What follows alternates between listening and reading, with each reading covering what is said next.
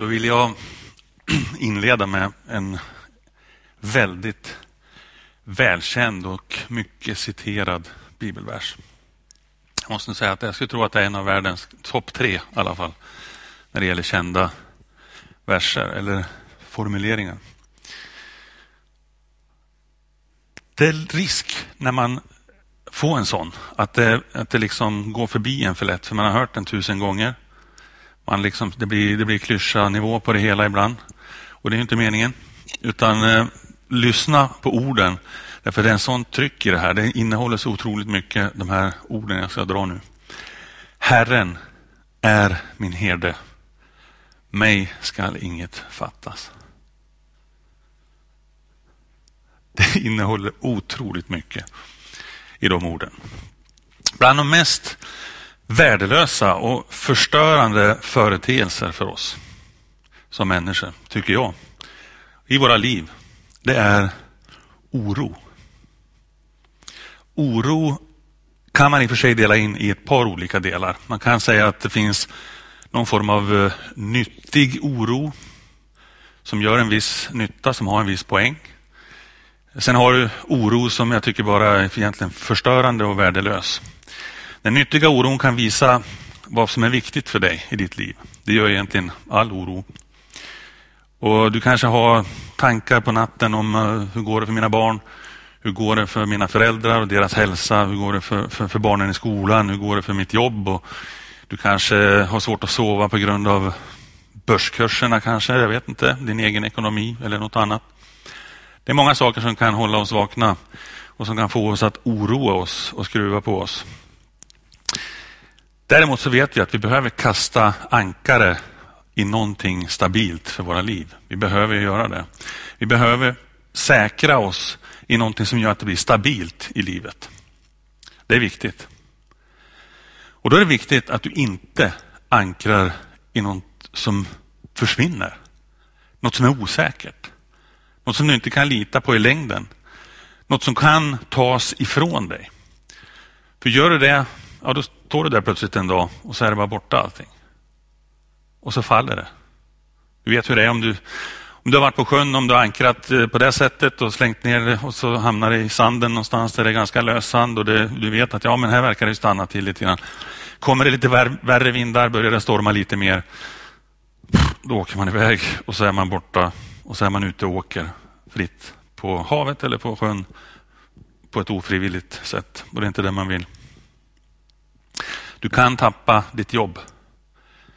Du kan förlora ditt hus. Du kan förlora anhöriga. Du kan förlora massor av pengar. Du kanske förlorar ditt utseende. En del av oss har redan gjort det och vet hur det känns. Men ska du sätta din tillit till någonting som är viktigt, sätta din trygghet i någonting och satsa allt någonstans, så måste du göra det i något som är bestående. Det måste vara bestående. Och faktiskt genom alla tider. Och det kan du bara göra på ett sätt. För Det finns bara en sak, eller sak, men det finns bara ett ställe där du kan förankra ditt liv, där det kommer att vara bestående faktiskt ända in i evigheten. Och det är hos Gud.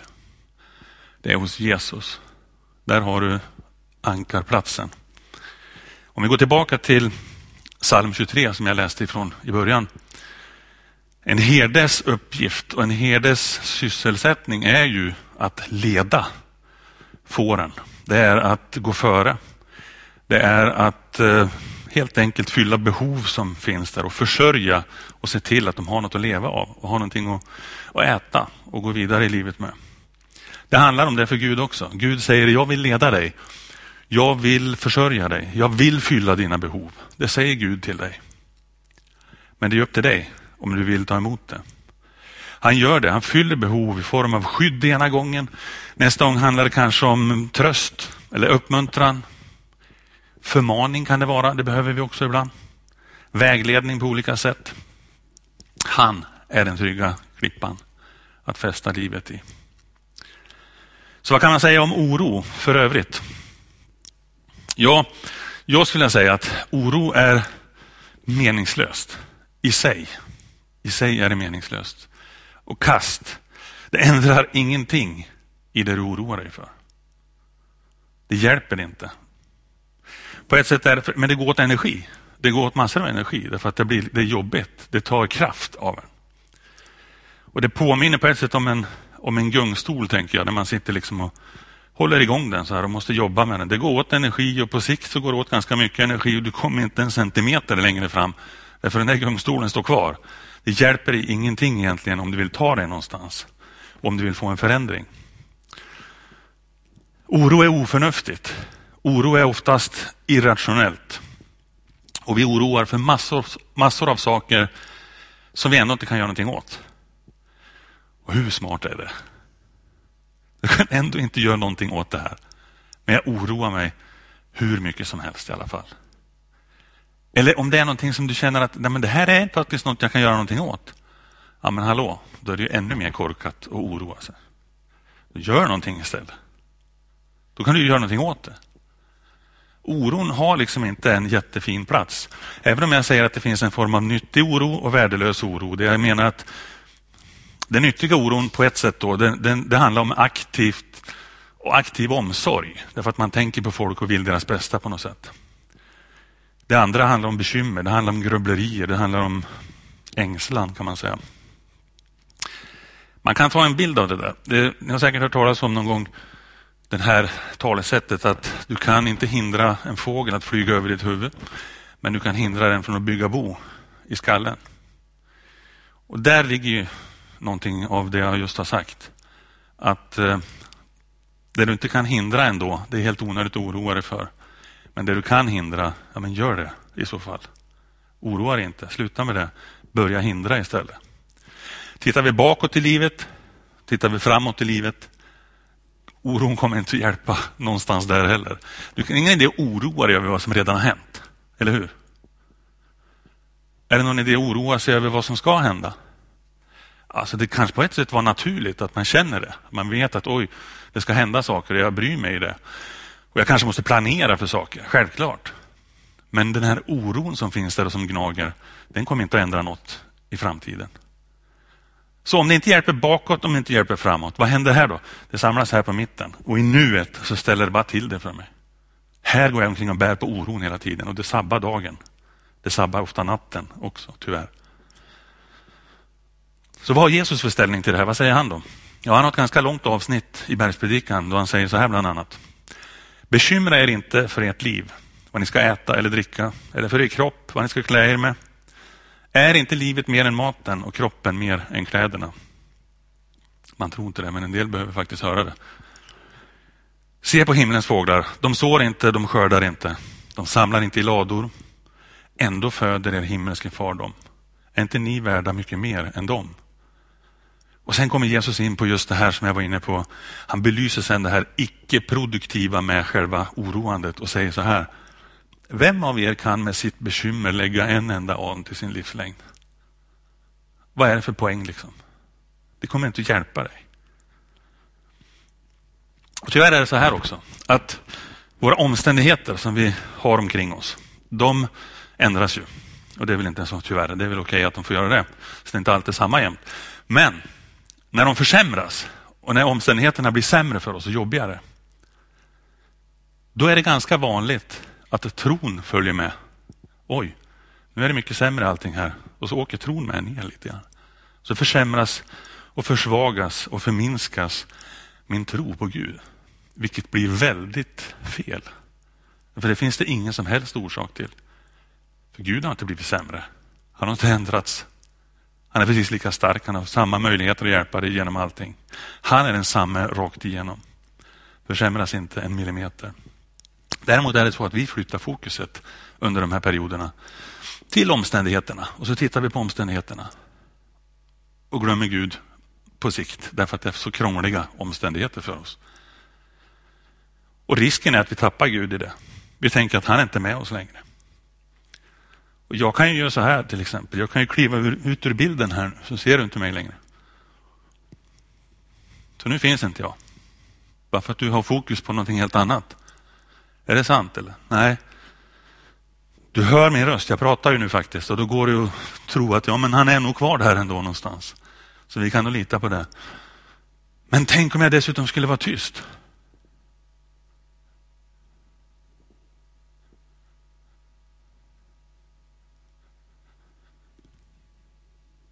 Jag är kvar. Ingen fara. Jag finns här. Och så där tror jag faktiskt att det är lite grann med oss och Gud också. Han kommer ur bild på något sätt för oss. Vi ser honom inte riktigt.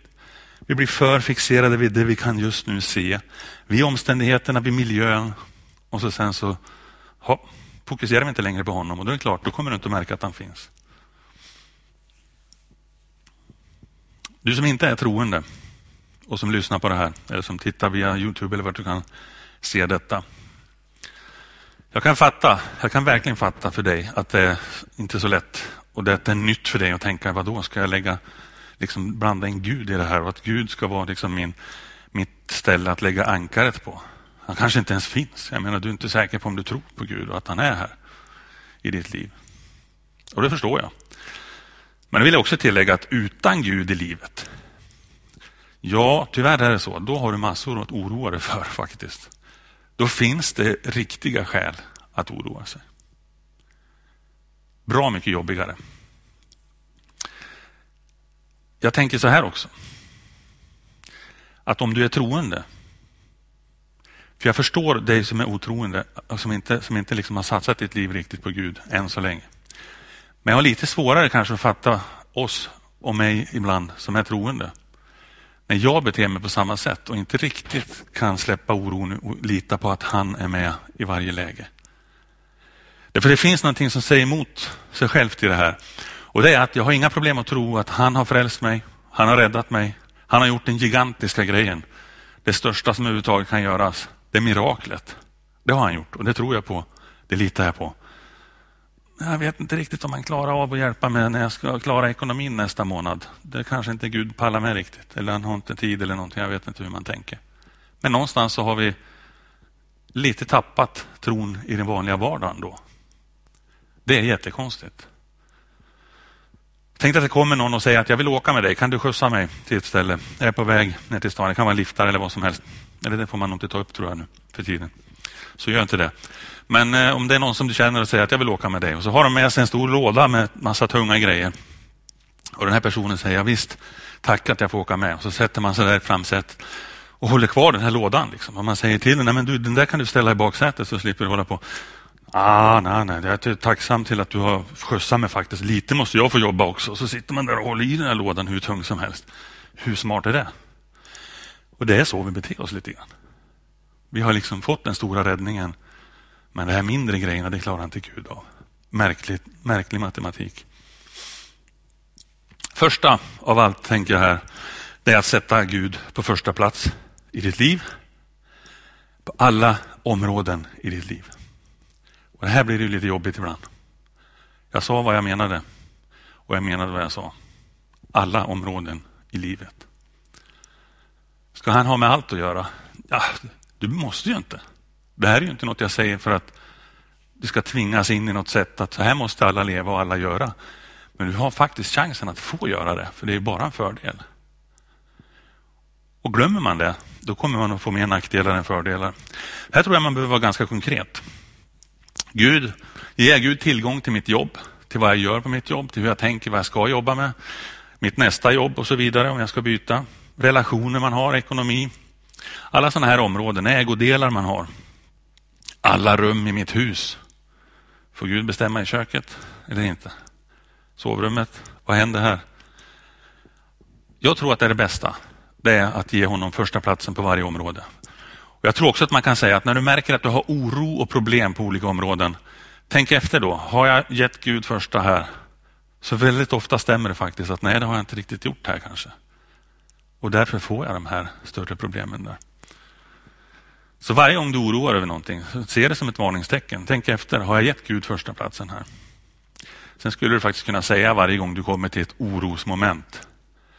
Herren är min herde, mig ska inget fattas.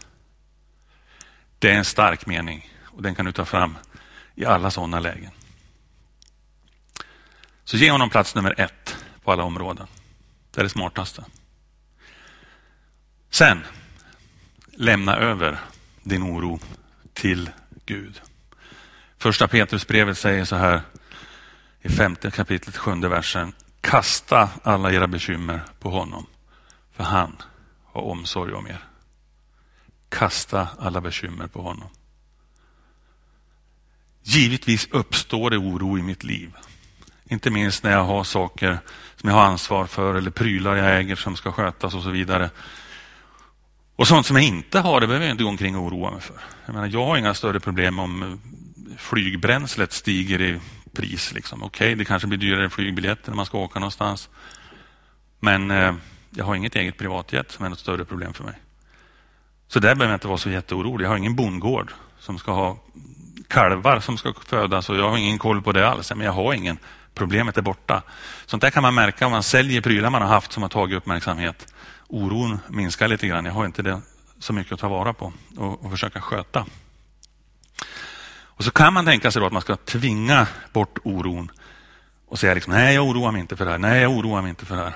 Och så kommer lite oro igen och så säger man, nej, men jag ska inte, jag, jag ska inte oroa mig för det här. Så försöker man på det sättet. Nej, nej. Lämna över den till Gud. Varför inte göra en, en lista? Sätt dig ner och fundera över vad är det som oroar mig faktiskt. Och skriv ner de grejerna. Gå till Gud med dem och säg, det här lämnar jag till dig här. Det här är orosmoment för mig. Men jag lägger dem till dig. Jag kastar mina bekymmer på dig, som det står i ditt ord. Det lär funka mycket bättre. Jag behöver inte oroa mig för det som jag på riktigt faktiskt har lagt i Guds händer. Nu kan du säga så här. Palle, ska man alltså sluta oroa sig helt? Man sluta bry sig? Ska man sätta sig på en bänk någonstans och vänta att Gud löser alla problem? Nej, det är inte det jag säger. Bibelundervisning måste alltid kompletteras med andra saker från Bibeln. Det här är ju liksom inte hela livet jag pratar om nu. Det finns avdelningar där du verkligen ska planera. Och det står det också på flera ställen i Bibeln att det är viktigt och det är, det är oklokt att inte planera för sitt liv. Sånt behöver du tänka på. Självklart. Du behöver ta ansvar. Det står att arbetaren är värd sin lön. Det handlar inte om att gå och sätta sig i ett hörn och säga liksom, men nu får Gud fixa bara allt det här. Utan du har ett ansvar att ta vara på också. Självklart. Det finns ett ord som har förekommit i media de senaste månaderna så fruktansvärt mycket så jag vill helst inte repetera det ordet nu. Det är namnet på ett virus. Eh, men jag har sett, och du kanske har stött på någon som har lekt lite med bokstäverna i det här ordet. Och tar man bort de två yttersta bokstäverna, första och sista bokstaven, kvar har man oron. Och det är inte så kul. Men om man tar bort de två yttersta en gång till, då har du kvar ro bara. Och det är mycket roligare. Det säger mig att mitt i den här jättestora katastrofen som vi upplever att vi lever i, mitt i den finns det ro. Mitt i den kan du få ro. Och egentligen, om jag ska vara helt ärlig, så tror jag att all oro, all oro ska bort på sikt. Även om det jag förut kallade någonting för nyttig oro och sa att det finns en poäng med det och jag sa att eh, ja, det är omsorg det handlar om och så vidare. Ja, men just själva oron i sig, att nå det tillståndet då man så totalt litar på Gud att det inte finns någon oro där heller överhuvudtaget. Det tror jag egentligen är det mest optimala. Men jag kan inte riktigt leda dig dit för jag har inte lyckats med det själv än. Och jag kan inte ge de bästa tipsen hela den vägen. Men du kan komma väldigt långt med att göra det han har sagt. Och i Filipperbrevet 4 och 6 står det så här. Bekymra er inte för något, utan låt Gud få veta alla era önskningar genom bön och åkallan med tacksägelse. Då ska Guds frid, som övergår allt förstånd, bevara era hjärtan och era tankar i Kristus Jesus. Sen säger Jesus så här också på ett annat ställe. Bekymra dig inte för morgondagen. Var dag har nog av sin egen plåga. Och sist av allt så säger han så här. Känn ingen oro. Tro på Gud. Tro på mig.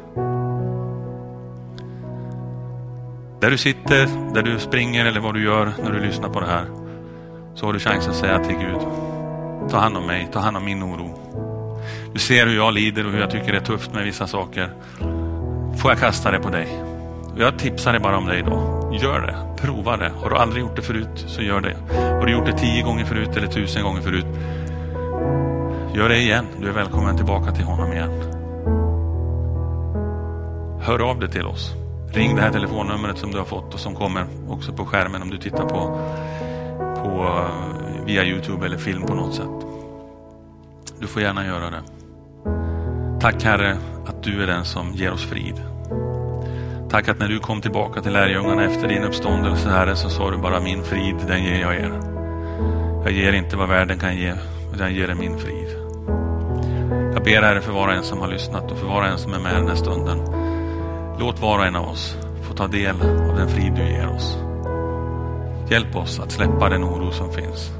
Hjälp oss att få leva tryggt tillsammans med dig Herre på din klippa inför evigheten. Vi vet Herre att vad som än rasar på hela jordklotet så håller det i till och med efter det när vi går med dig. Amen.